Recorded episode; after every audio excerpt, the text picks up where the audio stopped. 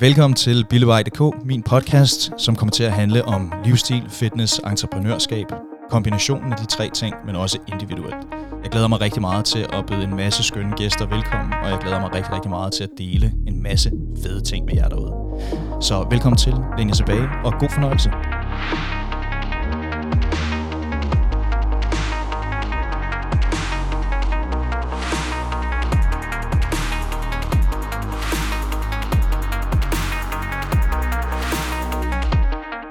James Thomas, the man with the most jobs, er manden, vi skal have i podcasten i dag. Han er nok bedst kendt for sit arbejde med Nick J, Merchandise, øh, uh, Sand Salomonsen, Thomas Helmi, men han er også kendt for at have været, uh, været i kampolage med politiet en del gange, faktisk. Over 3500 gange er manden her blevet stoppet af politiet.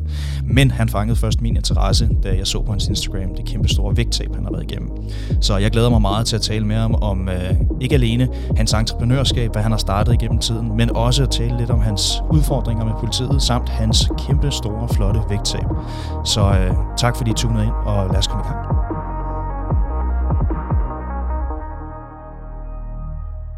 Så øh, James, velkommen til, øh, til, hvad der bliver den, for mit vedkommende i hvert fald, første episode i den nye podcast. Uh, ja, ja, det, hvordan var den gamle? Jamen, den gamle, det var, øh, det var meget med fokus kun på, øh, på kost og træning, og øh, jeg, jeg, du kan ikke blive ved med at sidde og tale om, om vægttab øh, med flere forskellige mennesker. Altså, det, kalorier ind, kalorier ud, længere er den ikke. Så, øh, Matematik. Ja, lige præcis. Ikke? Så, så på et eller andet tidspunkt, så bliver det også nødt til at, at ændre sig en lille smule. Så ideen med den her podcast, det er at tale med folk, som, øh, lad os sige, som jeg ser som værende nogle stærke iværksættere, som også har, altså, har styr på deres shit, for at sige det som det er. Og nu har jeg været inde og kigge lidt på dig, og øh, synes, du virkede voldsomt interessant. Men jeg kunne godt tænke mig for, for dem derude, der ikke ved, hvem du er, og lige høre, øh, vi laver lige sådan en, en Hvem er James? Så, øh, så kan du ikke fortælle lidt derude, sådan, hvem, hvem er du, og hvad har du lavet, og Hvorfor, hvorfor er det, jeg synes, du er mega interessant? det kan jeg sagtens, øh, det kan jeg sagtens fortælle. Altså, det startede i 1978, da jeg blev født. Nej, hvad hedder det? Vi springer lidt i historien. Så jeg er 42 år gammel. Øh, jeg øh, er selvstændig iværksætter. Vi sidder jo i Roskilde nu. Okay. Øh, og der, der er lige før jeg vil sige, at jeg stammer fra, jeg kan også godt høre det, i Roskilde. Ja. Og øh, faktisk øh, altså 500 meter den vej, og man kan sagtens se og pege på podcasten, jamen der, øh, der startede jeg min karriere på McDonald's. Okay. Jeg har været på McDonald's i Roskilde i fem år. Ude på Københavnsvej? Ja, først øh, på Københavnsvej, så åbnede vi Ringstedgade, og så ja. var jeg tilbage øh, ude på Københavnsvej. Altså, jeg har noget insiderviden omkring dig, fordi jeg er født og opvokset i Roskilde. Okay. Ja, jeg, jeg, altså, jeg har hørt noget med, at da du var yngre, der, der havde du nogle, øh, nogle veninder, der, der gav dig øh, nicknamet Big Spice. det, øh... oh, det ringer en klokke, det der. Liana, siger det der noget? Ja, det, det, det var sådan et hold af tøser, som... Øh, jeg tror faktisk, de gik under Spice Girls, ja, lige og så præcis. var jeg Big Spice. Så var du Big Spice. Ja, det er sygt Var du nogensinde med til at optræde? Nej, det burde jeg, men jeg havde stjålet det hele. Det havde været det samme som, øh, da Beyoncé, hun øh, brød ud og lavede sin egen Ja, det havde været vildt, ikke? Ja. ja det, det er Roskilde svar på Beyoncé, det er mig. Ja, fantastisk. Den, den holder vi lige fast i. Girl power. cool. Jamen, så, okay, så, så er du oprindeligt fra Roskilde. Hvad sker der så, når du, du flytter fra Roskilde på Jamen, et det, der sker, det er, at øh, min karrieremuligheder hos McDonald's, de bliver begrænset, fordi at øh, jeg havde en drøm om at komme i NBA og blive øh, kæmpe basketballstjerne. Og jeg spillede også øh, basketball for Roskilde. Og på grund af den her semi-professionelle karriere, så kunne jeg ikke have fuld til rådighed. Betyder, at jeg kunne ikke bare øh, stille op, øh, når McDonald's havde brug for mig på pomfritterne. Så, øh, så øh, blev jeg kaldt til samtale, og sagde, at nu skulle jeg sådan lidt vælge, om det skulle være burger, eller om det skulle være basketball. Og burger så, eller basketball? Så valgte jeg basketball, og øh, så blev jeg nødt til at, at skulle finde et andet job, øh, hvis der skulle være en fremtid i det. Mm. Og... Øh, og så kiggede jeg i øh, alle jobannoncer efter en øh, ordblind øh, knæk, der var gået ud af 9. klasse uden uddannelse, som gerne ville sove lidt længe og have fri alle aftener til at spille basketball og kunne rejse osv. Og, og der var ikke nogen jobs. Mm. Så, øh, så gik jeg hjem og brokkede mig til min far, som grinede af mig, for jeg ville også gerne tjene en masse penge. Og så sagde han, så øh, hvis du gerne vil sove længe, øh, ikke rigtig arbejde, bestemme det hele, og øh, ikke har nogen uddannelse, så tror jeg bare, du skal starte dit eget firmaknægt. Og så øh, griner han videre af det. Og tænker, det var en fed idé, det gør jeg. Fantastisk. Fantastisk. øhm, og nu 22 år senere, så kunne jeg måske godt se, at det var for sjov, og at det ikke var så nemt, som jeg lige tænkte, men øh, ja, thank God, der ikke var nogen, der sagde det til mig dengang. Det er jo størst en af dem, jeg kender, som, som er selvstændig. Nu, jeg, jeg droppede selv ud af 9. klasse, og så har været selvstændig, siden jeg var 18 år gammel. Øh, blev smidt ud fra tre forskellige gymnasier, og tænkte, jeg skal bare starte mit eget. Det er sjovt, størst en af dem, jeg kender, der, der er selvstændige den dag i dag, de har en eller anden form for dropout story. Altså det, det, er, det, er ikke så, det er ikke så det er ikke så sjældent, at man støder på dem, der har færdiggjort en eller anden længere uddannelse, og så har startet deres helt eget firma. Nej, men det er noget med, tror jeg, at hvis du har siddet nede på uh, rektors kontor og tænkt, fuck, jeg er skyldig, jeg har gjort det her, jeg, mm. det er nu altså sådan konsekvensberegnet, hvad sker der nu, og prøve, og så videre, så videre, så videre. Øhm, så tror jeg, det gør noget i et barn eller et ungt menneske, det her med, at nu, det en ting er, at jeg ikke kan regne, men jeg kan, jeg kan regne den ud. Og det der med at vurdere mennesker og spille manden, og ikke så meget bolden, det tror jeg, at man kommer rigtig, rigtig langt med. Eller det gjorde man i hvert fald på et tidspunkt. Jeg ved ikke nu med, med alt det, øh, det moderne teknik og så videre, så videre, og computer og ting, man ligesom skal lære. Jeg vil ikke anbefale det for nogen at være den der abstrakte personlighed, men, men dengang, at jeg skulle noget i mit liv, der kunne man komme rigtig langt på... Øh, på lidt øh, charme, selvtillid og mangel på lækkert hår. jeg skulle lige til at sige, at den sidste, den sidste sætning der, det er lækkert hår. Fantastisk. Okay, jamen hvad så, hvad så nu? Altså, så du, starter, du starter selvstændigt. Ja. Og hvad, hvordan udvikler det sig så derfra til at starte selvstændigt, til lige pludselig at stå med... Altså, du, nu laver, du har lavet merchandise for Nick og Jay og for Buan G. Og, altså, hvordan, hvordan når du dertil fra at være den her unge dropout kid på McDonald's? Jamen, øh, det der sker, øh, den korte version er, at jeg starter mit eget firma, som sælger jakkesæt, slips og skjorter.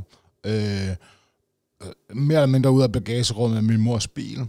Og så bliver det lidt mere seriøst. Øh, så møder jeg øh, en øh, masse øh, sindssygt svedige forretningsfolk, øh, som, som synes, det er sjovt, at den her 20-årige knægt, øh, han prøver at ball out of control, og noget øh, blandet med noget basketball og noget. Og øh, den korte version er, at på et tidspunkt tager jeg et job som privatchauffør. Øh, og øh, det leder mig ind på den her livvagtuddannelse og noget arbejde med nogle forskellige ambassader. Og øh, så, øh, så drager jeg til udlandet og arbejder som, øh, som livvagt on-off. Øh, så kommer jeg ind i musikbranchen. Øh, og, øh, og er forbi nogle store navne. Øh, blandt andet... Øh, Ed Sheeran har jeg lavet med for. Vel ind i musikbranchen som... Som, som livvagt. Som livvagt, okay. Og øh, så, øh, så kommer jeg tilbage til Danmark øh, på et tidspunkt, og så bliver jeg kontaktet af nogen, der, øh, der gerne vil snakke noget om øh, Nick og Jay, og noget tøj, og alle mulige ting. Og så møder jeg de der to knægte der. Og, øh, og så klikker det bare. Altså sådan, vi bliver, jeg plejer at sige, at jeg bliver Danmarks højst betalte legekammerat. Uh, de siger altid, at jeg har uh, the man with the most jobs, bliver jeg kaldt. Og, øh, og så starter det hele, både med sådan noget, altså jeg, jeg lærer mere, det er sådan en mesterlærer. Jeg lærer uh, uh, turmanagement, promotion, uh, event, uh, opbygning, uh, alt i afterparty, sikkerhed, alt muligt, blandet rundt, sjovt, fordi jeg, vi jo knægte på... Mm i midten af 20'erne eller sådan noget på det her tidspunkt, starten af 20'erne, midten af 20'erne. Og, øh, og på et tidspunkt, så, øh, så får vi den her idé om, at jeg skal sælge øh, merchandise. Vi skal lave, øh, vi skal lave merchandise, og øh, så passer det med, at der kommer en ny single, der hedder Boing. Ja, den kan jeg godt huske. Og, øh, Hendes røv går op og ned. Og lige der. præcis, ja. der er som en fjeder og sådan noget. Det ved jeg ikke man må sige i dag. Nå, men så, øh, så øh, siger Jay en dag, skal vi ikke lave en t-shirt, hvor der står Boing på? Og jeg siger, yes, det skal vi. Den skal være sort, og der skal være grå på. og så siger Jay, nej, nej, den skal være hvid, og skal stå med store røde bogstaver. Og jeg er sådan en drengerøv, så jeg synes på det tidspunkt, at alt med rødt tøj til mænd, det er jo, det kan man ikke. så, øh, så øh, men han står fast, og det er trods alt hans navn på coveret og sådan noget. Så, men så tænker jeg, okay, fint nok. Vi laver kompromis, vi laver begge ting, og så laver jeg bare 300 af de der sorte grå t-shirts, og så laver vi kun 50-100 stykker af de hvide og røde der, fordi de bliver alligevel aldrig solgt. Så er han glad, og øh, jeg kan tjene nogle penge. Øh, jeg har stadigvæk 295 af de der sorte og grå t-shirts på et lager et eller andet sted.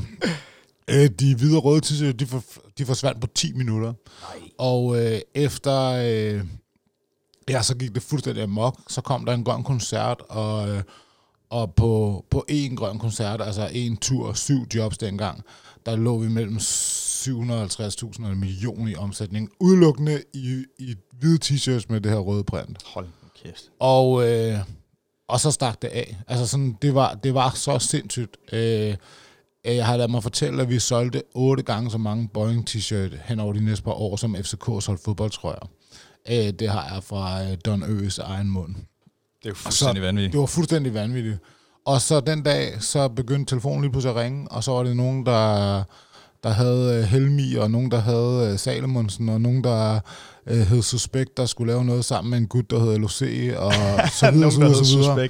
Så sådan, så lavede du sådan en t-shirt som Selmi, hvor der står, jeg står herude og banker på, eller? Det lavede for eksempel, jamen det er faktisk, og det er lige præcis det, der skete, det var, at, øh, at øh, da jeg gik i gang med at skulle lave nogle ting for, for Thomas, så, øh, så var der nogen, der sagde til mig, hey, pas nu på, der er kældre rundt omkring i Jylland, hvor der er proppet med Helmi merchandise. Han er ikke et merchandise act.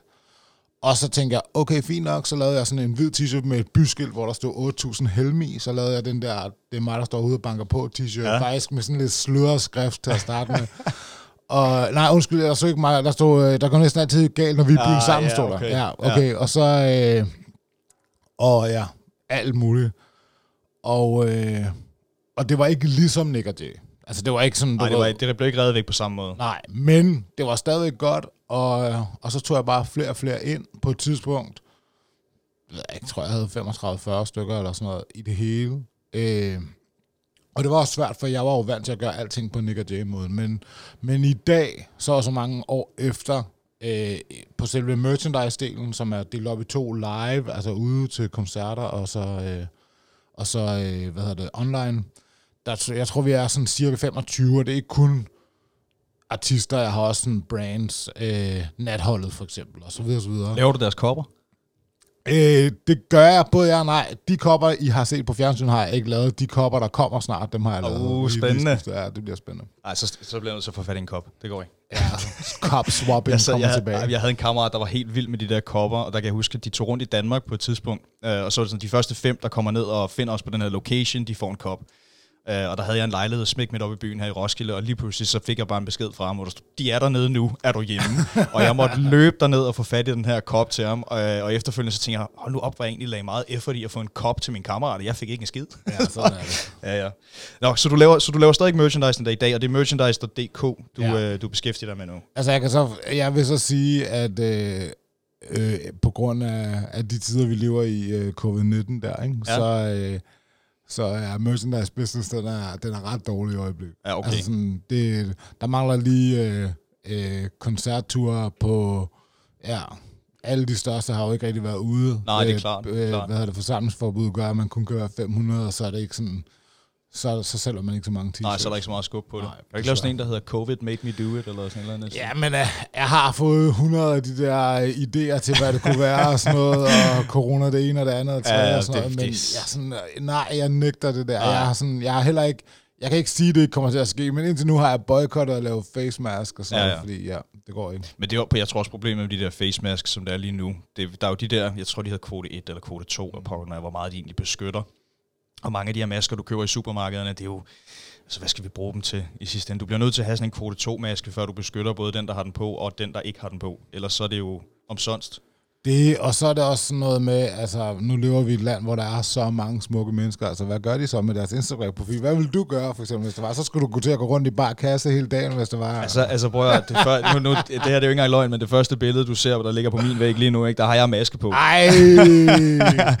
Så, øh, men, men jeg vil så også sige, jeg kan godt lide, øh, jeg kan godt lide tanken om, at vi fælles prøver at støtte op om det her med at passe på hinanden, men jeg, jeg kan ikke lide tanken om, at, at, det, bliver, øh, at det bliver sådan lidt et, et fashion statement nu, at have den her maske på, øh, udelukkende bare fordi det er et fashion statement, ikke fordi den er særlig funktionel. Nu ser vi alle de her folk, så bruger de øh, Louis Vuitton-masker og sådan noget. Jeg fik også sendt en hjem og sådan noget. Jeg tror ikke, jeg har brugt den endnu. Men, men hele ideen er jo ikke, at det skal være et fashion statement. Det er, ikke, det er jo ikke der, det kommer fra. Men det er det lidt blevet nu. Jeg hørte en podcast der forleden, hvor det var sådan, den er, den er 50% til cool. Altså, den er lige ved at være der. ja. Og sådan en face mask er ved at blive cool. Altså, det kan jeg ikke... øh, Det er svært at sætte mig ind i. Jamen, jeg vil sige, Altså, der er nogle, for mig er der nogle forskellige udfordringer i det. For det første, så er alle de der face masks, de er så små. Og, sådan, og mit flotte skæg og sådan noget, det ser helt cracked ud. Det går ikke. Ej. To. Øh, hvad sker der med iPhone, så kan genkende dig, når du har den der... Så står du og ruder med din, Ja, ja, skal betale og alt det der. Det, det går ikke. Øhm, hvad hedder det? Jeg har to gange øh, glemt at tage min face mask af, når jeg skulle drikke et eller andet. Ikke? Det, Nej, det er ikke rigtigt. som en idiot. Tre. Og så er du drukket, og så er det Hvis bare... man er en to meter høj, skaldet nære med et stort fuldskæg og kommer ind i en bank, en benzintank, et eller andet sted, hvor de har penge, og man har sådan en maske på der, så er, er alle klokkerne ved at ringe i forvejen. Og det er sådan, åh, jeg kan ikke overskue. Jeg har lige talt med min kæreste om det, da vi var i Marbella, hvor vi talte om det her med, det er lidt, det var lidt sjovt, fordi i 2019, hvis du gik ind i en bank med en maske på, så blev du bare anholdt med det samme. Så går ind i en bank uden maske på den dag i dag, så bliver du bare anholdt med det samme. I Spanien skal du have maske på overalt. ikke? Ja. Nå, okay, vi, ja, vi rykker lige lidt videre. Jeg har sådan en lille leg, vi lige skal igennem her, som splitter vandene, for at finde ud af, øh, hvilke teams du er på. Så øh, det er sådan en lille teamleg. Så jeg stiller dig et spørgsmål, så skal du bare sige, om det er den ene eller den anden. Okay. Nej, så den her den er ret let. Den er lige til, men den splitter altid vandene. Du griner, hvis du siger Nick eller Jay. Den har jeg fået nogle gange. Nu bliver jeg næsten nødt til at Ja, tilføje præcis. Men okay, den første vi kigger på, det er ananas på pizza, eller ingen ananas på pizza. Øh, jeg er meget kontroversiel. Øh, ananas på pizza, men ikke noget ost. Altså, jeg kan ikke lide Ikke ost. noget ost jeg på din pizza? Ost, og der skal ikke ost med min pizza. Så er det jo faktisk bare så er det jo brød med tomat. Jamen, der er som øh, min øh, gode gamle ven Giorgio, han altid siger, øh, som er fuldblod italiensk og har et øh, italiensk pizzeria, siger han bare, James, din pizza, det er skr- ristet franskbrød med skrald. Ej, fedt. Uh, ej, den næste, jeg har, den er sådan ret simpel. Jeg har fået kigget på din Instagram-profil, så jeg tror godt, jeg ved, hvad du vil svare. Men hund eller kat? Ja, hund, altså jeg kat, det er sådan, jeg bremser ikke for kat. Ej. Sorry. Men du har også, du har en, øh, er det en engelsk bulldog, du har? Ja, Bodil, Bodil Beyoncé. Bodil. Ja, jeg havde en, der hed Louis for mange år siden, men det var, det var som at have klippekort til dyrlægen til sidst med ham, desværre. Ja, man skal sørge for at have nogen, der er helt ren, og Ja. ja. man skal vide, hvad man har med at gøre, og passe rigtig godt på mm. dem, for der skal ingenting til. Jeg har også øh, før øh, Bodil, havde jeg Frida, som var laktoseintolerant og glutenallergi, og Hold du ved, så, så man skal sådan, man skal værne om dem, og man skal sidde med en vatpind og rense folder. Ja, ja, og lige sådan, præcis. Cherry Eye og alt det der. Halv pensionist, halv baby, Ja. ja. men en fantastisk hund. Helt vildt. Jeg tror, det jeg savner mest, det er snorken. Altså, ja. Den, den vender man sig til, når man skal sove om natten. Det er ligesom sådan havet, når man kører det i baggrunden. Nu skal du ikke sidde og udlevere din kæreste mere, det er trods alt en podcast. Ej, nu kan, jeg tror også, hvis jeg kalder hende for bulldog, så tror jeg bare, hun smutter. Ja. Um, okay, smooth peanut butter versus crunchy peanut butter. Øh, jeg spiser ikke peanut butter. Så du slet ikke på team peanut butter ikke sådan overhovedet? noget, ikke sådan noget fed mad og smør og butter og nej. Overhovedet ingenting. Nej, nej. Hvorfor en har den bedste krukke, så tager vi den. Ej, lad os, lad os tage den sidste. Jeg er nødt til at tage den. Nick eller Jay? Du, nu lagde du selv op til den. Så kom med den. Nick eller Jay? Uh,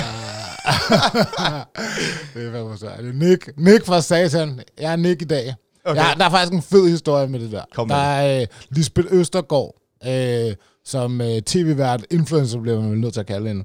Hun var engang radiovært. Mm. Øh, mega fedt program på P3, og øh, hun skulle så anmelde en Nick Jay-koncert. Og øh, jeg møder så Lisbeth øh, til koncerten i en fire hestes brændert. Altså, er du galt en kåre, hun havde i lige. Mega fedt, og hun er en meget festlig og mega sød person. Nå, men næste dag i radioen, så, så hører jeg så øh, hendes program, og nu skal hun anmelde den her. Og jeg bliver nødt til at høre det, for jeg tænker, der er no way, hun kan huske den her koncert. Og hun anmelder så koncerten ganske, ganske fint. Og øh, da de så er i gang, så tror jeg faktisk, det er Krede, hun er sammen med. Jeg er ikke helt sikker. Men så siger hun så, men, men ved du, hvad det mærkeligste var, siger hun så, da de lige var lukket ned for programmet. Og så siger han, nej, det, hvad, hvad var det mærkeligste, Lisbeth? Men jeg vågnede op derhjemme i en kæmpe 6XL t-shirt med et billede af Nick på. Og så siger han, "Nå, men det er vel egentlig ikke så mærkeligt, Lisbeth, du har været til en Nick og Jay-koncert. Og så siger hun, jo, for jeg er ikke en Nick-chick, jeg er en J-girl. Ja, Så ja, så i, i dag der er jeg en Nick-chick. I, da, En- I dag der er du Nick, du er Nick Chick i Ja. dag. Okay. Big Spice og Nick Chick. Det er, også, det er lidt fordi, at jeg ghoster Jannik i øjeblikket, fordi han er jo blevet far for ja, en måned siden eller sådan noget. Så, øh, Nå, op. så går det hele jo op i øh, blæskift og baby. Men er Jannik ikke også fra Roskilde? Er det ikke noget med, at der er noget Roskilde Connection med de drenge der? Det er jeg synes, mig. der var et eller andet. Det er, Det er dig. mig, der er deres Roskilde. Det er dig, der er deres Roskilde. Okay, jeg synes Ja. bare nemlig, der var et eller andet i sin tid. Nej, de er fra Øhm, værløse begge to. Ja, okay. Fair nok. Cool. Ja, så var der en sjov historie med det. Så du er Nick Chick i dag. Yes. Cool. Um, jeg tænker lidt på, nu vi har hørt lidt om det her merchandise.dk, og du fortæller om, at der er ikke så meget salg i det i øjeblikket på grund af corona. Og sådan. Hvad, hvad, har du, altså, hvad har du gang i lige i øjeblikket? Hvad arbejder du på pt? Øh, jeg er arbejdsløs, så hvis du har mangler en marker, så er jeg klar. så, Men, så laver vi et eller andet. Ja, altså jeg har jo altid været sådan, eller altid, siden jeg er 20, er sådan iværksætter by heart. Mm. Øhm, så jeg går med lidt forskellige støbesken. Jeg, altså udover merchandise.dk, øh, der laver jeg jo, har jo altid lavet sådan noget tourmanagement og Øh, ja, altså, jeg har, jeg har et projekt, måske nok godt kan tale om uh, det, det, men, det, men det, det, det, det taler vi ikke om her. Det, det venter vi lidt med. Så øh, sådan noget lagersalg og sådan nogle ting øh, i øh, brands, øh, jakkesæt, slips og skjorter stadigvæk. Øh, jeg har dealet noget i, med, i vinbranchen, og som jeg absolut ikke har forstand på, men har gode kontakter i. Så holdt en fandens masse foredrag, øh, der hedder Ingen Arming Småkager, som handler om det her motivationsgråstreg og vende øh, modgang øh, til noget medgang og, og, og springe ud i ting og gøre ting. Du har også selv haft en del modgang. Nu har vi haft inde og læst det om dig. Du blev stoppet over 3500 gange af politiet. Ja, det er, sådan, det er faktisk ikke engang det, der sådan rigtig er min modgang. Øh, men det er helt sikkert en af mine mærkesager, det her med sådan noget profiling og racisme og sådan noget. Ja. Øh, men, og det kommer så faktisk af, at dengang jeg gik i folkeskolen her uden for Roskilde, der havde jeg absurd meget modgang. Altså sådan, det var, det var sådan i 90'erne, slut 80'erne, 90'erne, og... Øh, og der var man ikke så vant til, at folk i min farve herude øh, i forstederne, øh, øh, så øh, det havde jeg rigtig mange problemer med, og øh, så gav øh, en del af de der øh, gutter, der senere blev øh, nazister og bor i det hus nede i Greve, dem, øh, de gik i min skole, eller var i den der omgangskreds, og det, øh, det havde jeg kæmpe store problemer med grønjakker og småbander og sådan. Det kan jeg sgu da godt forstå. Ja. Men er det så, er det det, er det der modstanden stammer fra, eller er det tidligere end det? Øh, det er der, den stammer fra. Ja, okay. 100 procent. Øh. Vil du mene, det har været en af forserne til, at du den dag i dag også har været så stærk til ligesom at bryde fri og gøre dit eget? Jeg uh. mener jo størst, det er dem, der, der, der når til der, hvor du er nu, eller altså, der, hvor mange af dem, jeg taler med, er nu. Det, det er jo fordi, de har været igennem netop sådan noget som modstand. Ja, altså... Øh i forbindelse med en af mine foredrag var jeg ude at holde øh, foredrag på eller jeg, jeg var ude at holde foredrag på Copenhagen øh, University, eller hvad hedder det, Københavns Universitet. Mm. Og øh, en masse psykologistuderende, og der kom professoren hen til mig bagefter og sagde, at, øh, at øh, hun kunne virkelig godt tænke sig at snakke lidt mere med mig, for jeg måtte være et textbook eksempel på post-traumatic growth, som jo er i familie med post-traumatic stress, men bare hvor at psyken ligesom er nødt til at blive stærkere og kapere med virkeligheden. Altså mm. i stedet for, at du ligesom knækker, så ligesom en muskel mere eller mindre, så kommer der stærkere fiber rundt omkring, og så bliver den større. Klart. Ikke?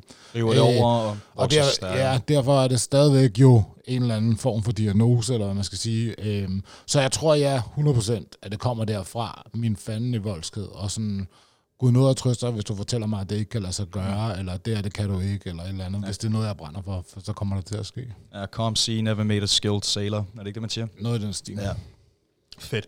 Jeg har også været, jeg har været inde og kigge lidt på øh, noget, noget andet modstand. Du har kæmpet lidt med noget, der er lidt mere i, i min boldgade, men øh, du har jo været igennem et fuldstændig vanvittigt vægttab også. Um, og jeg var inde og lure lidt. Hvad, den, den tungeste vægt, du havde, var, var du op på, du var på 155 kilo? 155 kilo. Og hvad, lad os sige, hvad, hvordan når man dertil? Jamen, øh, det gør man ved at hygge sig. Øh, eller jeg tror, der er forskellige måder at nå dig til. Øh, jeg vil sige, at mit, min kamp har været, at jeg har altid, for mig har mad altid været måde at stresse af på og hygge sig på, og alting er jo alting er sjovere med blandt selv slik. Alting er sjovere med, med god mad. Øh, alle møder er sjovere med kaffe latte og croissanter mm. osv. osv. Og, ja, nu er jeg, ikke, jeg har ikke legnet noget op i dag, det kan jeg ikke. Nej, det kan jeg forstå. Jeg kommer ud, så er der kaktus og vand. Men hvad hedder det? Men en af de ting, der er i det, er 100% at da jeg ligesom, jeg havde en kamp, og så udover det, så har jeg også arbejdet McDonald's i fem år, mm. øh, før Cola Zero, og jeg synes, at, at uh, McDonald's Cola Light, det smagte af vand, så jeg drak rigtig cola. Og det, det også gjorde jeg bare i sådan en uh, halvliters kop, og når der ikke var mere i den, så satte jeg den op under uh, solvandsmaskinen, og så tog jeg en halv liter mere, så jeg tror, det blev til sådan 4-5 liter om dagen. Øh, og så spillede jeg jo basketball og var ung og godt stopskifte, og det var super fint. Men i det øjeblik, at jeg ligesom stoppet med det, så gik min elevatorvægt fra at være sådan 10-15 kilo altid i off-season på basket til at være konstant og bare mere på, mere på, mere på. Mm. Og så øh, dem, jeg omgik, og dem, jeg snakkede med om ting, og sådan noget, de havde ikke forstand på det der kaloriesjov, vel? Altså sådan, det var bare sådan, så tager du bare en mindre kartoffel, og ja. så videre, så videre, men det hjalp mig overhovedet ikke. Og så hygge, og så øh, igen alt, altså alt i mit livsstil passer bare til en stor bil med automatgear, så har man en hånd fri til at, mm. at spise med, og øh, vise mig en tankstation, hvor der ikke er mere slik, end der er frugt, og så videre, så videre, så videre. Så det var sådan, det, det skete bare. Og så øh, i og med, at jeg er en, øh, 1,95 og en stor mørk fyr, jamen så, så hæmmede det mig ikke på samme måde. Jeg tror, at hvis jeg havde været 1,60 og en computergud, så havde jeg siddet og spist tips og, og spillet computer og så videre, så videre, så videre, jamen mm. så havde det måske hæmmet mig over for det modsatte køn og så videre, men, men jeg er en stor fyr, og sådan, jeg oplevede lige så meget, at mennesker omkring mig synes, at det var lidt, lidt cool, at jeg var en stor gut, ikke? Mm. Uh, nu kommer James, altså. Stor gut. Altså sådan. Og, øh, og så løg jeg rigtig meget over for mig selv, så jeg følte mig stadigvæk lidt som en atlet. Jeg følte mig stadigvæk stærk og så videre. Nogle gange så begyndte jeg da også at træne, men så lavede jeg kun ting, hvor det ligesom, altså bænkpres, der er det, en, der er det en god idé at veje 155 kilo. Så, kommer ja. der, og så kan der komme noget mere vægt på de der skiver mm. og sådan noget. Altså sådan, ikke noget cardio. Og så, øh, så lidt på, lidt på, lidt på, og jeg var også god til at, og den dag i dag, synes jeg selv, er god til at klæde mig til ligesom at, at få det til at passe sammen. Ikke? Og så købte jeg bare en lidt større trøje, en lidt større trøje, en lidt større trøje, og lige pludselig en dag, så, øh, så vejede 155 kilo, og kunne ikke rigtig tage en, arm, jeg, en armbånding, eller jeg, jeg overbeviste om, at jeg kunne løbe 5 km, hvis det galt, hvis mm. jeg ville. Men no way, da jeg så skulle prøve, så kunne jeg løbe 800 meter og var ved at dø af det. Hvor, hvor vendte det så for dig? Jamen, det vendte sig for mig, at jeg begyndte at være ked af det. Mm. Altså sådan, både fordi jeg havde lidt dårligt, altså sådan, så gjorde det ondt at sætte sig ned i en bil, du ved, så købte jeg en fuelstrækker i stedet for, så gjorde det ikke så ondt i knæene og sådan noget. Og så sov jeg bare til middag, du ved. Så havde jeg bare en pude i bilen, så tog jeg bare lige en time til middag et eller andet sted mellem møder og sådan nogle ting. Og ting var normalt. Men så var det, at jeg sådan, ligesom alle andre til nytår tænkte, nej, nu skal jeg gøre noget. Og, øh, men først skulle jeg jo igennem nytårsaften, og der havde jeg købt en ny skjorte og nogle bukser og noget. Og øh, da jeg så skulle have det på, så kunne jeg fucking ikke få det på. Altså sådan, altså ikke i nærheden af. Man har en idé om, hvad man vejer altid, eller det havde jeg i hvert fald. Øh, og det var så 15 kilo off. Jeg troede, jeg vejede 140 kilo. Mm. Øh, og da jeg så mig selv i spejlet, og sådan, så jeg blev bare ked af det, altså. Og næste dag, da jeg, så ville jeg lave sådan, det var vigtigt for mig, at jeg ville lave sådan en video sådan før og efter og sådan noget. Og så skulle jeg, så skulle jeg filme mig selv i bar overkrop, og så begyndte jeg at hyle, fordi at jeg kunne ikke holde det ud, mand. En voldsom grænseoverskridende. Det var, men det var ikke så meget det, for der var ikke nogen, der måtte se det. Altså, for en guds skyld. Altså, jeg vil hellere... Jeg vil hellere øh, i, øh, på TV2 News med, øh, med dick pic til Mette Frederiksen, altså, end jeg vil... Øh, øh, hvad hedder det, have nogen skulle se mig i bare overkrop. Mm. Altså, men, du, men, men du har jo så lagt det op, kan man sige, efter... Øh, efter at jeg så, og det er sådan set i dag, så, øh, så sidder jeg lidt og kommer tær, fordi jeg tabte 10 kilo, og øh, så havde jeg sådan der følelse af, du ved, hey, nu er jeg fedt. ja. Altså sådan, sådan ser jeg ikke ud mere. Nu kan jeg godt lægge det der billede op. Altså, jeg kan godt huske den aften, jeg gjorde det, at jeg slukkede mine sociale medier og tænkte, i morgen, så har jeg fire følgere. Øh, øh, hvad hedder det, og så må vi starte forfra. Mm. Og øh, jeg tænkte også, det der, de der søde beskeder fra, fra piger, der skriver sådan, skal vi drikke en kop kaffe, der går nok også lige en måned eller to, inden det kom. Og så tændte jeg mine sociale medier næste morgen, og så fik jeg faktisk en, en ret vild oplevelse af, at, at der var mange, mange mennesker, der stod på barrikaderne med mig, og som syntes, at det var, det var fedt og motiverende, og begyndte at følge med derfra. Øh, så det, det, det var noget af en aha-oplevelse.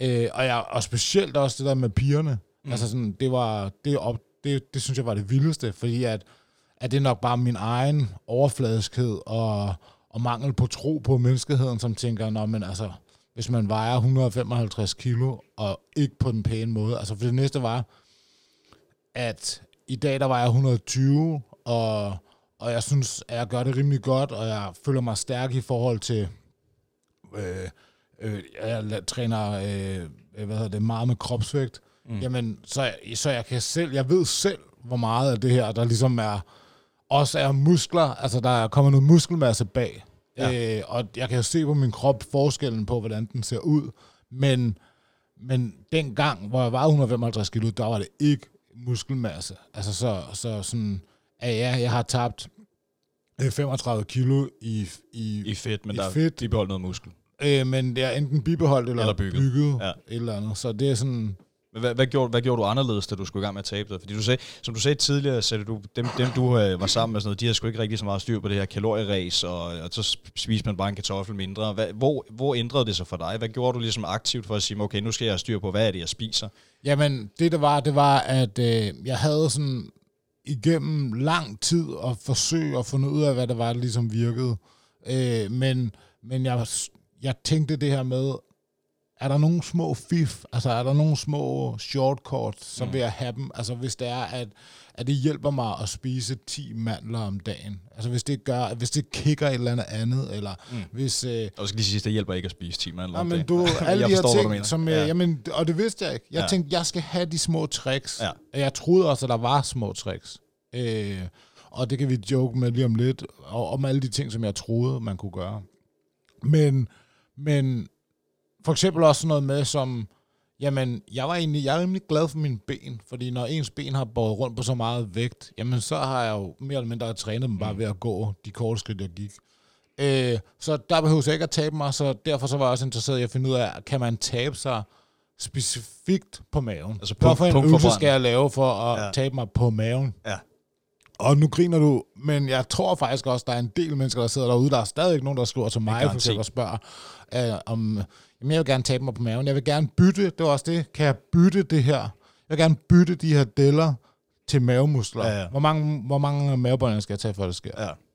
Nå, men det der så skete, det var, at jeg tænkte, jeg skal have info fra nogen, så derfor så, øh, så kigger jeg mit Rolodex igennem, og så poppede øh, Kenneth Robert op. Mm. Som, Han har, også øh, været, han har været i branchen i mange år. Lige præcis, men han har også han træner de der kæmpe bodybuilder-gutter. Mm. Så tænker jeg, han må vide, at jeg kan ikke lave split squats. Jeg kan veje 150 kilo, jeg kan ikke lave split squats. Plus at, at jeg kendte ham godt nok til, at jeg vidste, jeg kunne sige til ham, jeg vil gerne bede om en madplan. Men der skal fucking ikke være avocado og ost og, øh, og hvad det hedder, det der, som ikke er ymer, skyr. Skyr. Ja. Nej, det skal jeg ikke have. De tre ting skal jeg ikke have. For alle gange, jeg nogensinde har skulle haft en madplan for nogen, så spørger de altid, er der noget, du ikke bryder dig om, eller du ikke så godt kan lide? Ja, jeg skal ikke have avocado, jeg skal ikke have ost, jeg skal ikke have skyr. Og alle gangene har jeg fået en madplan tilbage med det. Alle gange. Det er løgn. Det er alle gange. Åh, oh, nå, så måske du kan tage eller andet. Sådan, det, det, det skulle jeg bare ikke. Så den jo heller ikke, så den ikke, så planen jo heller ikke lavet Jeg vil så dig. sige faktisk, at jeg er ikke helt sikker, men jeg tror måske, jeg skal hjem og kigge, jeg tror måske, der var avocado i den der plan, jeg fik fra Kenneth. Men det, som han gjorde, der ændrede det for mig, det var, at han, han, han, han skar det ud i pap for mig og sagde, hey, prøv at faktisk, så må du spise alle de grøntsager, du har lyst til. Mm. Altså, jeg vil gerne have, at du spiser nogenlunde sådan her kød, og hvad plejer du at spise til morgenmad? Jamen, det må du også gerne. Kan vi måske tage noget af det her brød væk, så vi, og så heller et ekstra æg i, hvis det er det, du ved. Ja. Så jeg fik sådan en skabelon, men ikke en decideret plan. Altså noget, der passer mere til, til dig, som, som altså din livsstil og den du er. Ja, Det er jo det, der virker jo. Og så sagde han sådan, du ved, så og så mange kalorier, øh, men du må spise dig mæt, altså sådan, så det ikke var en sult et eller andet sted. Mm. Mm. Og så var det det. Det gjorde rigtig meget til at forstå kalorieindtake. Og så det der med at være i minus. Det, at matematikken i det, det hjalp han mig med. Altså de der shortcuts, du taler om. Ja. Jeg, jeg er lidt nysgerrig. Nu taler du om det her med, om, øh, med punktforbrænding. Um, og det, lad os sige, for, for sådan en som mig, jeg ved godt, du kan ikke punktforbrænde, det ved du også godt nu. Øh, men hvad var der ellers af, af små tricks, som du prøvede dig med? Fordi man hører, man hører nogle historier nogle gange om, så det er Herbalife, eller om det er de her bælter, der giver dig stød i maven, så du sidder og ligner en, der skider i sofaen, eller hvad pokker det nu er, ikke? Altså, der er jo så mange ting lige i øjeblikket. Slankeplaster, og jeg ved ikke hvad. Ja, altså jeg har aldrig prøvet hverken, eller ikke prøvet nogen af de der ting. Og det er sådan, øh, jeg bliver sur, når der er nogen, der approacher mig med, med Herbalife, eller andre former for pyramidespil, mm. så Mm. det tager jeg som en fornærmelse. Ja, men jeg er helt enig. Jeg er helt med. Øh, men hvad hedder det? Men øh, sådan noget for eksempel med ikke at spise, inden jeg gik i seng. Øh, hvilket gjorde, at det eneste, jeg lå og tænkte på, det var bare sådan, okay, du må ikke spise, du må ikke spise, du må ikke spise, du må ikke spise, du må ikke spise. Øh, og det, det er for ganske nyligt, at der er nogen, der har skåret ud pap for mig. Jamen prøv at høre, altså din krop er mere eller mindre ligeglad med, hvad klokken er. Mm. Det er, hvor mange kalorier du indtager på hele ugen, øh, måneden, året, Ja, dagen, whatever. Ja. Det skal vi have op i regnestykket. Ja. Okay, sygt nok. Så var det sådan noget... Øh, hvad hedder det? øh, Jeg, jeg gemmer nogle af de bedste til sidst, men så har jeg også gjort sådan noget med, at og så, så, drak jeg, så skulle jeg drikke vand, jo. Så sagde de, prøv at det er rigtig godt, du skal drikke 2-3 liter vand minimum om dagen. Det er godt for dig. Så tænker jeg, okay, godt nok. Men 6-7 ki- liter, det må så være dobbelt så godt. Oha. Så, øh, så det gjorde jeg, og det gjorde, at øh, jeg i løbet af en måned til halvanden, så fik jeg øh, en øh, urinvejsinfektion, fordi de nyrer kunne simpelthen ikke rense Ej. så meget væske. Øh, Og du har skyllet Og alt, hvad der hedder mineraler og vitaminer ud af kroppen, og alt er bare tappet. øh, og ja, jeg havde det egentlig godt nok på nær lige øh, øh, infektionen der, og så må jeg jo så få at vide, det skal man ikke og sådan noget. Men ellers så er det også sådan, alle mennesker kommer jo med fif og knep. Ja. Og den, som der, jeg har betalt allerdyrest for, som jeg ikke har tilgivet nu, og jeg ikke rigtig helt ved, for jeg kan ikke tæve ham der, der gav mig det, det var, at øh, på et tidspunkt i det her forløb, der, øh, der får jeg en udfordring, om jeg tør stille op mod, med sådan en semiprofessionel boksekamp mod en anden gut på min egen størrelse. Og øh, jeg kender nogen, der kender nogen, og blandt andet øh, øh, den kære Mikkel Kessler. Mm. Så jeg tænker, at jeg vil spørge hans manager, Allan, om ikke han kendte nogen i boksebranchen, der kunne lære mig at bokse. Jeg har thai-bokset lidt, og øh, jiu-jitsu og alle sådan nogle ting, men aldrig sådan rigtig boksning. Så jeg ringede til Allan og spurgte, hey, kender du nogen, der underviser sådan i altså, personlig træning, men boksning? Og så siger han, ja, Mikkel. Og så er jeg sådan, ja ja, men jeg vil heller ikke ringe til Michael Laudrup og spørge, om han kunne lære mig at spille old boys bold. fodbold. Vel? Så, så siger han sådan, nej, men, men det, det tror jeg godt, Mikkel vil, men du skal selv ringe til ham og så. Så ringer jeg til Mikkel, og Mikkel siger, ja, men det vil jeg gerne. Øh, på øh, to betingelser. Et, øh, du kommer herud i morgen tidlig klokken 5 i min lade, hvor han har lavet sin egen boxegym, og så, øh, og så ser vi lige, om du kan bokse, altså hvor du er henne, fordi at jeg kunne forestille mig, at han ikke gad, hvis det var, at jeg ikke kunne knytte en næve og, Ja, sådan så. og lukke øjnene og alle de der ting. Så det, det tror jeg, han vil miste motivationen på. Det var den ene ting, og den anden ting er, at du siger ikke nej. Altså sådan, når jeg beder dig om noget, så er det det, du gør. Og du kommer ikke for sent, og det er sådan, altså, vi kører det fuldstændig professionelt. Og var sådan, øh, og så kørte jeg ellers til øh, den her nedlagte gård øh, uden for Tostrup øh, fra Malmø af, og skulle være der klokken 5 om morgenen. Og så, øh, og så stod han klar med, med puder, og så, øh, og så kørte vi ellers på. Og så da vi var færdige efter halvanden time, hvor jeg troede, jeg skulle dø, så sagde han, jamen cool, det gør vi. Vi ses øh, i overmorgen. Og, men nu flytter vi til klokken 6, siger han så. Så det var super fedt. Så det gjorde jeg et halvt år, tre gange om ugen, stod jeg derude. Og en af de pointers, han gav mig, fordi han synes også, at jeg skulle længere ned i vægt, det var kold bade. Det sætter gang i din forbrændingsande. Okay. Jeg har så senere undersøgt det, og det, det er måske rigtigt. Altså hvis vi siger, at på en skala fra 1 til 10, så er det måske 0,5. Ja, den er ikke øh, så stor en effekt har det jo ikke, kan man sige. Restitu- restitution på kolde bade, isbade og sådan noget har vist sig at have en god effekt. Men Og øh, det er muligt, men øh, koldt vand i de der mængder, jeg har ikke tålmodighed til at fylde øh, badekarret op med koldt vand, og Nej. jeg tror, jeg kan kur og sådan noget. Men jeg bor øh, 100 meter fra Øresund, så øh, i marts måned, så starter jeg bare med nej, nej. at øh, gå ned og så tælle til tre. Og jeg, altså ja, øh, de, ja, det er de færreste mennesker, der kan lide koldt vand. Men det, der er ingen sorte mennesker, der kan lide koldt vand. Og så tvang jeg bare mig selv. Og ikke sådan noget med at gå ned i og sådan noget, og en, to ad gangen og sådan noget, sådan noget, det kan jeg ikke. Det er sådan, du ved, en, to, tre, hop. Og øh, fordi at, øh, jeg ikke synes, at øh, altså, hvis vi to vi stiller os op i bar kasse, så er jeg rimelig sikker på, at din er pænere end min. Så jeg var sådan, det kan jeg bare ikke, så jeg, jeg hopper ud i en basketball jersey, og det er sådan, det er heller ikke super fedt, fordi når du så kommer op, så har du en masse virkelig, virkelig vådt og koldt tøj på og sådan noget, men det, det sker. Men øh, det gjorde jeg så i, ja, helt frem til, at vandet jo blev næsten varmere i vinden øh, her i sommer.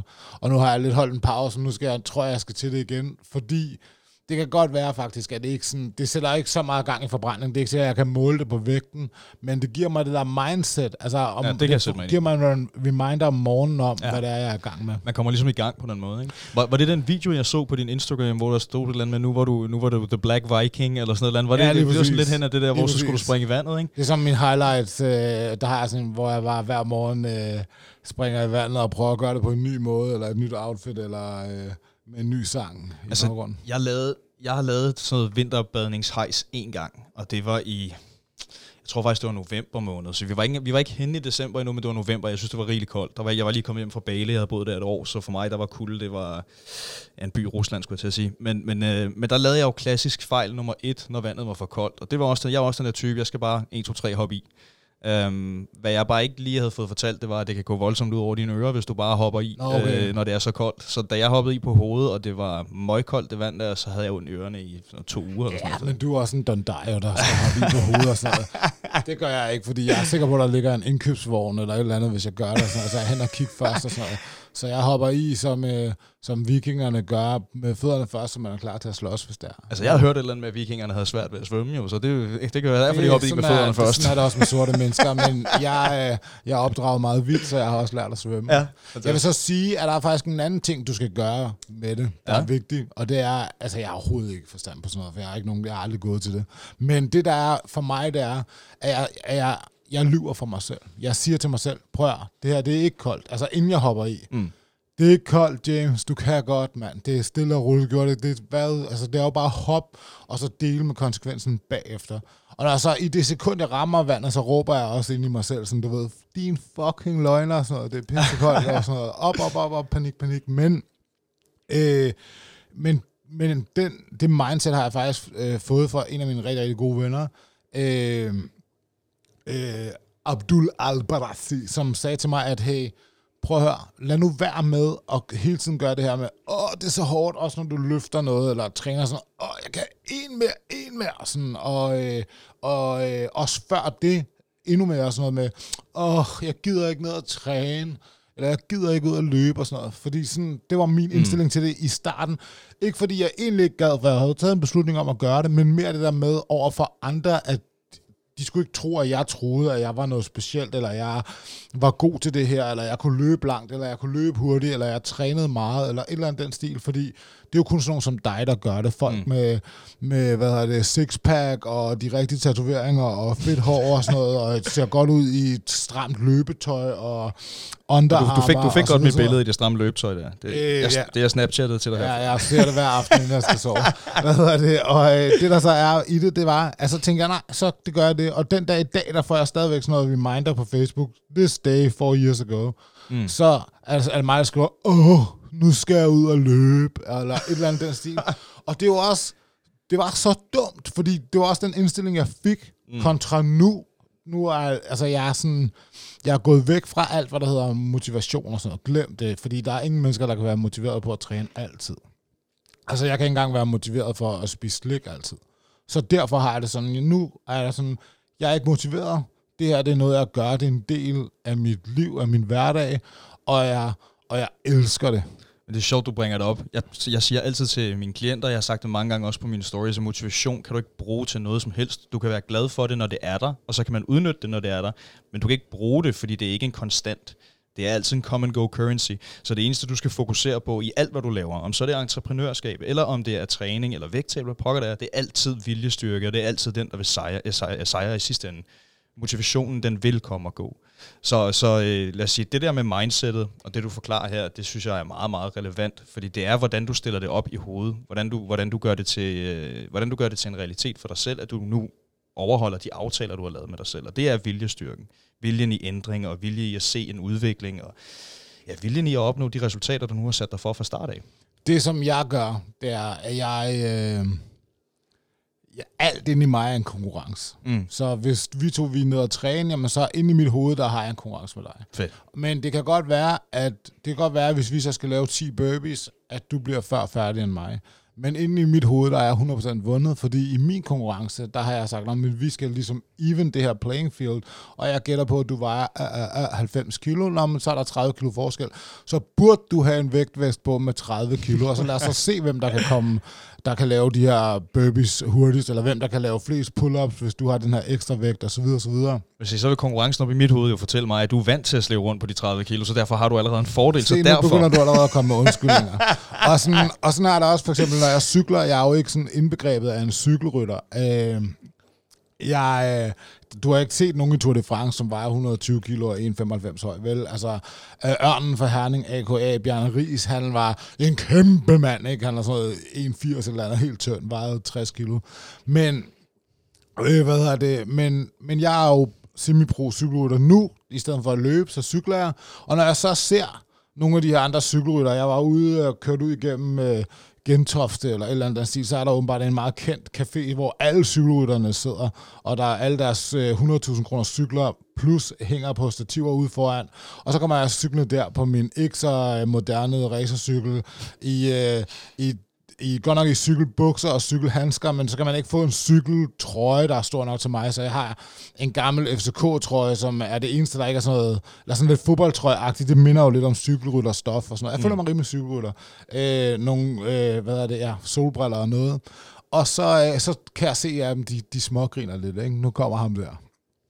Men ind i mit hoved, der tænker jeg, ja, fint nok, jeg kan i det mindste være med i jeres sport kom her, dingser, så lad os spille noget basketball, så skal jeg rive jer midt over, så jeg aldrig glemmer det. To af gangen, altså, fordi hvad er det der? Det, det er jo vel ligesom at spille med børn, altså ja, ja. den der størrelse, de har. Så bare kom. Så sådan, det er jeg klar på. Jeg, jeg er klar på at, øh, at grine mig selv. Jeg er klar på, at jeg selv har sat mig i den her situation. Øh, og jeg er også klar på selv at komme ud af den. Mm. Og der er ikke noget udefra kommende, der skal, der skal bryde mig ned. Nej. Jeg har også siddet i to spinning classes og, og stået op i pedalerne, og instruktøren siger, mere på, det går op ad bakke, op og stå, du ved, i tre minutter, og så endelig når man toppen af den her fiktive bakke, og så siger han, sæt jer ned, og så satte jeg mig ned, for jeg var træt. Og det, der så skete, var, at hele sadelpinden, den bukkede i et U. Nej. Og nu sad jeg fast med min trøje i, øh, i sadlen og klikkede i pedalerne, så jeg sådan hang med, med numsen ned over øh, øh, bagenden på den her. Jeg kunne ikke komme nogen steder, så ham der øh, instruktøren måtte hen, og så vride min sko for at få den ud, så jeg kunne komme ud. Hold og folk, de, sådan, de var ved at tude og grine og prøvede at gemme det og trække trøjen op under næsen og mund for at skjule det og sådan noget. Men jeg synes jo selv, det var sjovt. Altså, der er ikke noget at sige. Den bukkede. Så siger han, at vi har haft nogle problemer med de her sadler og sådan noget. Det, jeg tror ikke, at det, du skal tage det personligt. Jeg er bare sådan, du kan glemme det, mand. Ja. Den her, den bukkede, fordi jeg var for tung, og jeg har for at gøre noget ved det, du ved. Og det skete faktisk to gange, to uger i træk. Og nu er jeg kendt for ham, der bukker sadpinde øh, i diverse fitnesscenter. Men det er okay, fordi sådan, jeg tager den gerne. Min psyke kan klare det, og så lad være med at drille øh, de andre, der går rundt dernede og prøver på at komme i form. Selvfølgelig. Altså, jeg vil, når du siger, du driller det der, de andre, der går rundt der, dernede og prøver at komme i form. Jeg så også en kommentar ind på din Instagram på et tidspunkt, hvor det var, jeg tror, der var en eller anden, der skrev, okay James, nu har vi set, at du har tabt dig. hvor det bare var sådan lidt, ej, øv. Altså, det, det var sådan en kommentar, nu ved jeg ikke, om det er en af dine kammerater, eller hvad det er. Det er men, det ikke. Nej, det synes jeg bare er sådan en rigtig øv kommentar at komme med. Altså, det er okay, nu har vi set, at du har tabt dig. Jamen, hvis du ikke gider glo på det, så kig dig på noget andet. altså, gå videre. Faktisk så er jeg, jeg er lidt stolt af min egen tilbage kommentar, fordi at jeg må indrømme, at jeg havde det også sådan lidt, for jeg kan også godt blive træt af, du ved, okay, Billy Bay, nu har vi set, at du har sixpack og tatoveringer og sådan noget. Få nu en fucking t-shirt på, mand. Det er frostgravet udenfor. Jeg, sidder, jeg sidder der med t-shirten på her. Det. Lige præcis. øh, efter et krav fra mig, der stod min rider. Men hvad hedder det? Det som, det, som øh, der er i det... Oh, men må lige om vi skal tilbage til det der, for det er lidt ja, sjovt. Ja, ja. Men det der er, han skrev, ja, øh, okay James, nu har vi set, du har tabt dig. Og så kunne jeg ikke lade være med at svare, er du sikker? Jeg har flere billeder. men, men ja, øh, det er jo sådan lidt med sociale medier. Hvis ikke du kan lide det, kan du jo bare lade være at følge og sådan noget. Super simpelt. Øh, øh, og jeg, jeg kan da også godt... Jeg, jeg kan da også nogle gange godt blive træt af, når nu hen her, som bare vejer øh, lige præcis det, hun skal, og ser sund og dejlig ud, og så har hun spist en pizza, og så er hun lidt oppustet, og så skriver hun, åh, langt fra øh, bikiniformen og sådan noget, men jeg elsker mine deller eller andet, og jeg har bare lyst til at bakke hende over med bilen og sådan noget, fordi jeg vil dø for at kunne se sådan der ud et eller andet, et eller andet. Altså sådan, øh, Men er det ikke altid sådan, at man ser op? Der er altid en, man ser op til. jo. Altså, der er altid, der er altid et næste skridt. Det er jo det, der er problemet med sociale medier. Det der med sammenligninger med andre. Nu siger du, ja, du vil dø for at se sådan ud. Men der er jo altid, der er altid et næste, next step. Nej, der er ikke.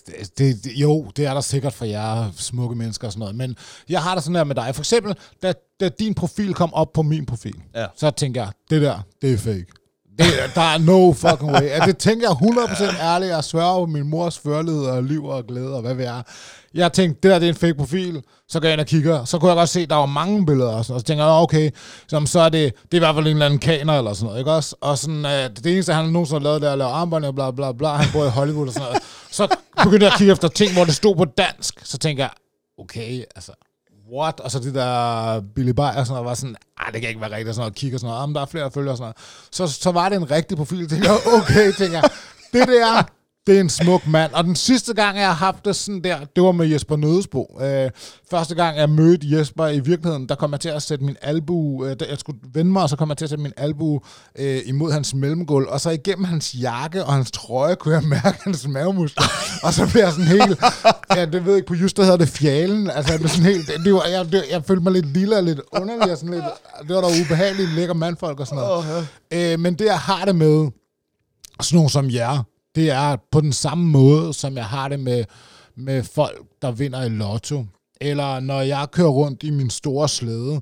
Eller når folk siger til mig, ja, men altså, man kan jo godt øh, have en stor bil eller et eller andet og være ked af det. Mm. Øh, og sådan, og sådan, sådan er det vel også, at bare fordi du har mavemuskler og de rigtige tatoveringer, så behøver det ikke at betyde, at du er lykkelig og sådan noget. Du er garanteret ked af at sidde og græde derhjemme, eller ikke. Du er slet ikke tilfreds med din mm. krop. Ah, gider du? Altså sådan, lotto er det perfekte eksempel på det. Jeg har aldrig set en lotto-reklame, der hedder, du har vundet 100 millioner, og nu har du købt en carport og en uh, Suzuki Splash, og uh, din uh, kone er stadigvæk uh, pædagog, og uh, I skal på vinterferie til Tenerife, og en enkelt tur til Bornholm i familiens sommerhus. Nej, mand, det er sådan noget...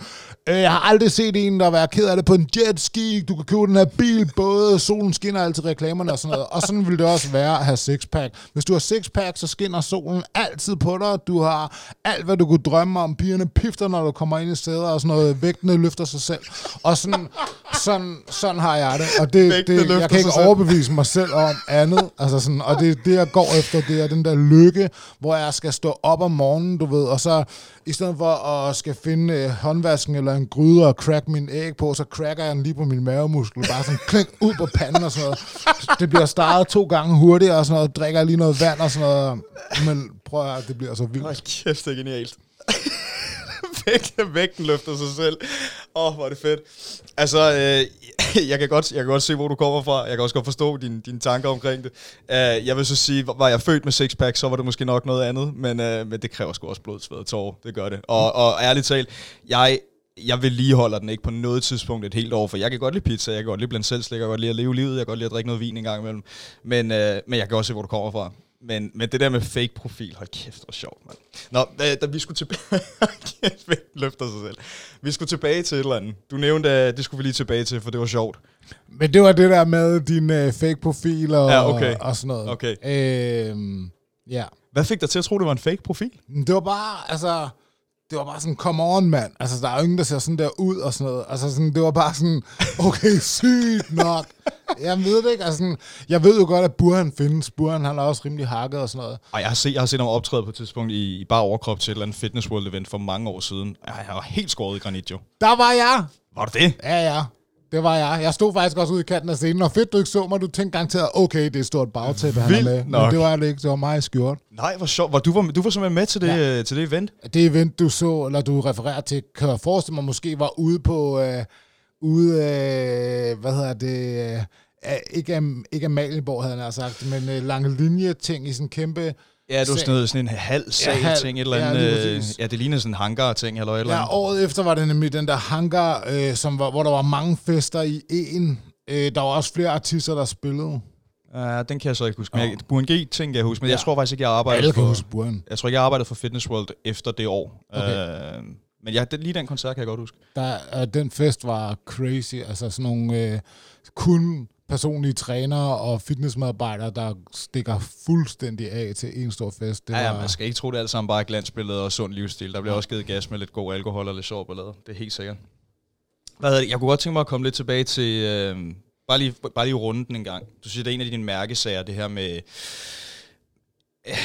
equality har jeg set, du laver nogle t-shirts med. Det her med, at du er blevet stoppet af politiet 3500 gange, det synes jeg er fuldstændig voldsomt. Og nu ved jeg godt, at vi bare lige sprang over den sådan lidt let og elegant, men jeg kunne godt tænke mig at høre, hvor alt det her stammer fra, og, øh, og jeg kunne godt tænke mig at høre dine tanker omkring det. Og de, de her t-shirts, den der equality, jeg vil med glæde også gerne øh, nuppe en fra dig. Eller nu har I hørt det alle sammen. Han har sagt, at han vil gerne købe en Jeg vil gerne købe en equality t-shirt, det vil jeg gerne. Yes.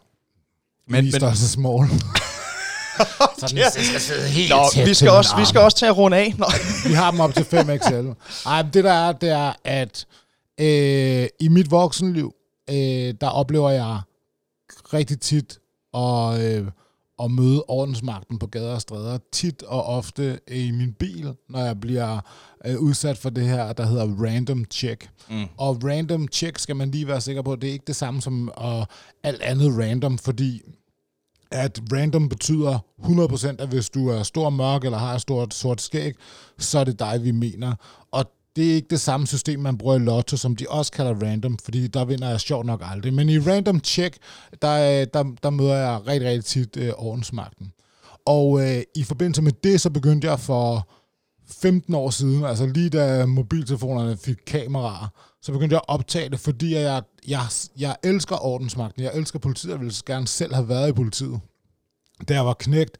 Øh, og derfor så blev jeg enormt skuffet, når jeg fandt ud af, at, øh, at jeg tit oplevede, at, at politiet havde øh, hukommelsestab, når vi så skulle mødes og snakke om, hvad der i virkeligheden var blevet sagt. Mm. Fordi at jeg var sådan, at når jeg blev stoppet, og, og altså 9 ud af 10 gange, så var de helt vildt søde, eller det tog to minutter, så fik jeg lov til at køre videre, men nogle gange så mødte jeg bare nogen, der var rigtig nederen, og sådan tror jeg, altså ordensmagten, politiet, de øh, udspejler jo, øh, eller afspejler en, øh, et, et snit af den danske befolkning, og langt de fleste mennesker, jeg møder på min dag, er søde, og så møder man øh, nogle gange nogen, man ikke kan med, eller som er mm. deciderede idioter.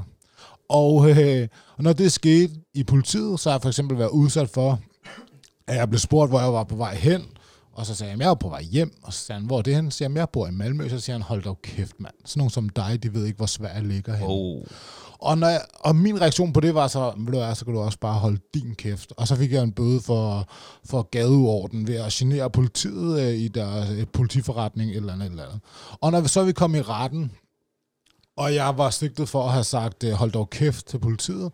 Og jeg siger, jamen han sagde faktisk til mig til at starte med, at øh, sådan nogen som mig ikke vidste, hvor at uh, Sverige lå henne, så uh, kunne hverken ham eller hans kollega erindre, at uh, det var blevet sagt. Og det, det, det gjorde rigtig ondt på mig, fordi jeg kunne se det på ham. At mm. Det kunne de begge to huske. Og derfor så tænker jeg, at jeg har brug for at have et konstant vidne, uh, og så begyndte jeg at optage det. Og det gjorde jo nemmere, sagen noget nemmere for, når vi kom dertil, Øh, plus at alle de gange, hvor vi ikke kommer dertil, så får jeg lidt et kram på sociale medier af alle de andre, mm. som følger med og kan se. Og, sådan, og det, gjorde, det gjorde det også meget tydeligt for mine venner og følgere, at, at øh, hvor tit jeg egentlig oplevede det, fordi at de kunne se med. Og det er ikke altid, jeg lige når at få fundet øh, telefonen frem og optaget, eller jeg lige kan komme til det, men når jeg gør det, og det er også kun, når det er sådan, nogle gange så, så er jeg ikke humør til at dele det, for der kommer også en masse med det. Men andre gange, så er jeg, og så er der også sjove episoder, hvor de får sagt noget sjovt, og, og, øh, og sådan, det er ikke for at gøre nogen til grin eller udstille på den der måde, det er egentlig mere for at få den der opbakning, fordi når man står ude på, på vejen og bliver behandlet som et rocker bandemedlem, og jeg ser ned på folk, der laver kriminalitet, jeg synes ikke, det er flot, at du er blevet La Familia, Banditter, så HR, et eller andet den stil, altså sådan, det er din sag, gør hvad du vil, men, sådan, men jeg synes ikke, jeg ser ikke op til dig, som jeg gør til øh, kvindelandsholdet i fodbold, eller eller et eller andet den stil. Så derfor så, øh, så begyndte jeg at dele det, og så på et tidspunkt så blev jeg ringet op af DR, øh, som var i gang med at lave en dokumentar sammen med Danmarks Statistik, om jeg ville være med. Den hed Mørkt og Mistænkt i politiets vold.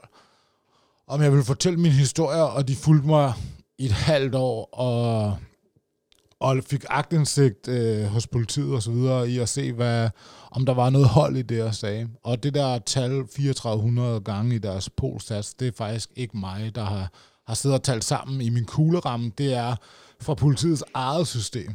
Så, øh, og det svarer faktisk til, at jeg er blevet stoppet, eller har mødt politiet øh, øh, mere eller mindre hver anden dag i 10 år. Det er helt vanvittigt. Øh, og min rekord er så også syv gange på en dag.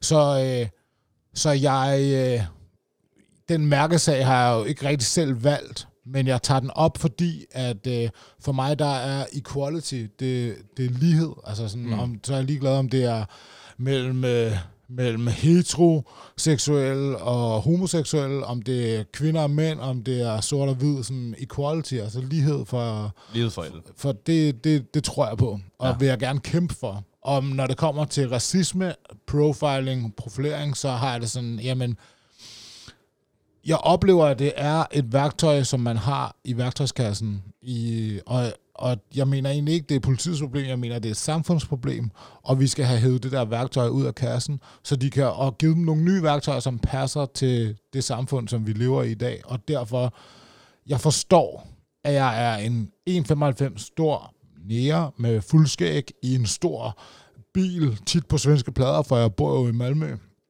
Jamen, så... Øh, så, så, så ligner jeg noget, eller noget, man har fået, man har fået skudt i skoene, at det ser sådan her ud. Og, øh, og det, det tror jeg er forkert. Altså sådan, igen, hvis du bad gennemsnitsdanskeren om at tegne en terrorist, så er jeg sikker på, at han vil ligne mere mig, end han vil ligne dig. Det tror jeg også er forkert. Altså, Anders Breivik ligner mig overhovedet ikke. Altså sådan, jeg tror, at vi skal følge med tiden. Vi har et, et multikulturelt samfund, så nytter det ikke noget, at vi, at vi er overbevist om, at, at bad guys ser sådan her ud, good guys ser sådan her ud, og så hvis, kører vi derfra. Hvis du kigger på Interpols Most Wanted list lige nu, så en af de højst profilerede, profilerede terrorister, det er altså en, en hvid kvinde. Så det er jo, altså, det er jo slet ikke sådan, det hænger sammen. Eller øh, at man begynder at forske i øh, sådan noget massemor og, og massevoldtægt og Amagermanden og så videre. Ted Bundy. Ted Bundy, så er det, så det passer jeg ikke på profilen. Ikke rigtigt, ikke rigtigt. Puh, ja, ja. Jeg synes, det er, øh, jeg synes, det er en, en god sag at bevæge sig ind på, og jeg er totalt enig i det med equality. Og jeg synes, øh, jeg synes vi har været rigtig, rigtig mange fede ting rundt omkring. Derfor ikke at glemme, podcast. at han har lovet at købe en equality Jeg skal nok prøve, jeg køber den equality t-shirt. Det mener jeg faktisk. Jeg så den faktisk ind på min profil, og jeg synes faktisk, den er rigtig fed. Men nu er vi også igen ude i det der med, at det er, noget, det er sort med noget hvid skrift, og det, det synes jeg skulle også ser lidt cool ud. Så passer også meget godt til tatoveringerne og sixpacken. Ikke? at uh, i cirka 3 cm størrelse på ryggen er den nede i kanten, der står der By James. Ej, det er meget cool. Ja. Det er meget, men jeg har også min, jeg har min i, i ryggen her, der står der bare Billy Bite K. Uh, ja, ja, ja, ja, ja, ja. Det er en fed t-shirt. Det det. Laver du med størrelse 4XL? Nej, det gør du ikke. Okay, så gør du forskel på folk. Det kan, det kan, det kan jeg da komme til. De er forudbestilte. Okay. Så, så hvad siger du? Vil du, vil du, vil du købe en t-shirt eller hvad? Jeg køber en. Hvis man kan få en i min størrelse, så jeg ikke ligner Michelin-manden, så er jeg klar. 4 gange, 4 gange XL. 4 gange XL. Du får den 4 gange XL. James, øh, tusind tak, fordi du gad at komme ind og snakke her i dag. Og så, øh, jeg synes, vi har været nogle sjove ting rundt omkring. Og så, ja, Bare tak, fordi du gad at komme og dele lidt. Tusind tak, fordi jeg måtte komme, og øh, husk det, som jeg sagde det. Hvis du får sixpack og kommer i rigtig god form, så løfter det der vægte sig selv. det er det på faldrebet. Tak fordi I lyttede med, guys. Tak, James. Vi ses.